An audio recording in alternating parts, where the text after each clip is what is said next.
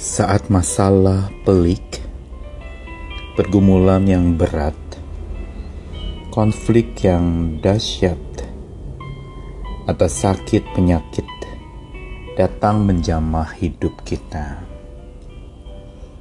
Maka biasanya ada banyak hal yang dijarah dari hidup ini. Semangat, kekuatan, energi kita terkuras habis oleh pergumulan-pergumulan itu. Dan yang lebih lagi dijarah adalah perasaan tenang dan kedamaian kita. Kita gelisah, kita menjadi resah, susah hati kita. Dan saat itu juga terasa hati ini pecah, terpisah-pisah, tercerai-berai. Waktu kita mau menyatukan lagi, energi kita itu sudah habis. Ketika kita mau menyatukan lagi, mem memadukan lagi kepingan pecahan-pecahan itu untuk bisa direkat dan diobati, daya kita sudah tidak ada dan memang kita terbatas di dalam menyelesaikan segala hal dalam hidup kita. Saya Nikolas Kurniawan menemani dalam sabdanya menyapa kita lagi hari ini dari Kolose pasal 3 ayat 15. Hendaklah damai sejahtera Kristus memerintah dalam hatimu, karena untuk itulah kamu telah dipanggil menjadi satu tubuh dan bersyukurlah. Ayat ini dikatakan oleh Rasul Paulus kepada jemaat di Kolose dalam paparannya mengenai karakteristik manusia baru yang sudah dibarui oleh Tuhan yang sudah mengalami bagaimana kelahiran baru itu terjadi di dalam diri seseorang, maka salah satunya adalah damai sejahtera Kristus itu memerintah di dalam hatinya. Damai sejahtera yang dituliskan di sini dalam bahasa Yunani digunakan kata Eirene dari kata dasar eiro yang artinya menyatukan, mengikat eratkan kembali, menjadi utuh. Ini arti damai sejahtera.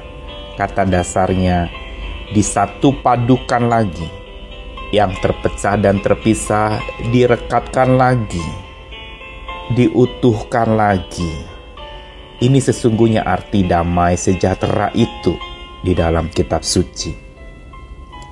Damai yang bukan sekedar perasaan tenang, tapi sebuah damai yang justru menyatu padukan yang terpecah dan terpisah. Karenanya damai dari Tuhan itu adalah damai yang tidak memisahkan tapi justru menyatu padukan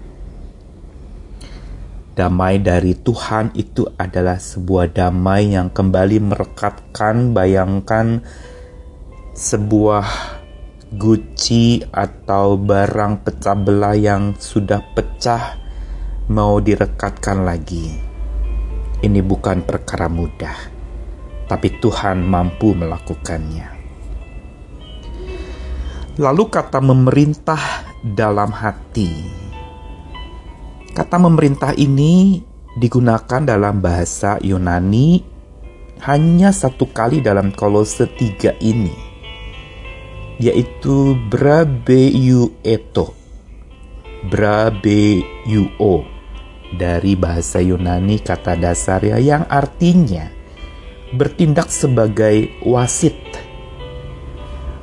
menjadi penengah, menjadi jembatan, menjadi sosok yang selalu ada di tengah pertandingan dan menengahi segala hal yang terjadi dalam pertandingan itu. Ini tugas wasit. Sehingga ketika dikatakan bahwa damai sejahtera Kristus memerintah dalam hati, itu berarti karya Tuhan yang menyatu padukan yang terpecah dan terpisah itu ada di tengah-tengah hati kita.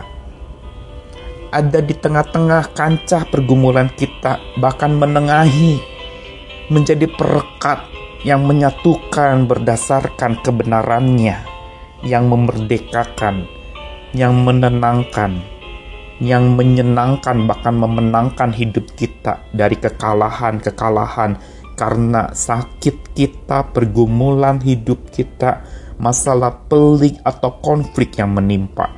Karenanya hari ini mari kita memberi diri diperintah oleh damai Tuhan.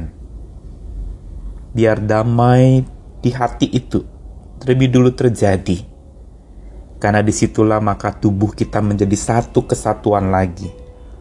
Bukankah dikatakan dalam ayat sabda hari ini untuk itulah kamu dipanggil jadi satu tubuh. Damai sejati bermula dari hati. Baru kita bisa berdamai dengan sesama kita.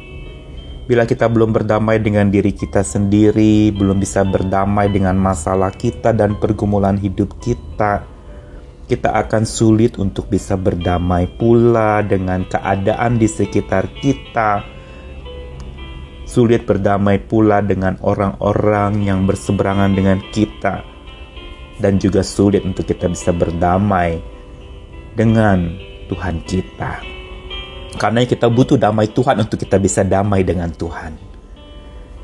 Beri dirimu diperintah oleh damai sejahtera yang dari Yesus Kristus, dari Tuhan. Dialah wasit utama dalam hidup kita. Dia hadir di tengah-tengah kancah pertandingan hidup kita, dan Dia menengahi kita di tengah-tengah pecahnya pergumulan kita, patahnya hati kita, rusak dan resahnya hidup kita. Bawa kepadanya sang wasit hidup kita.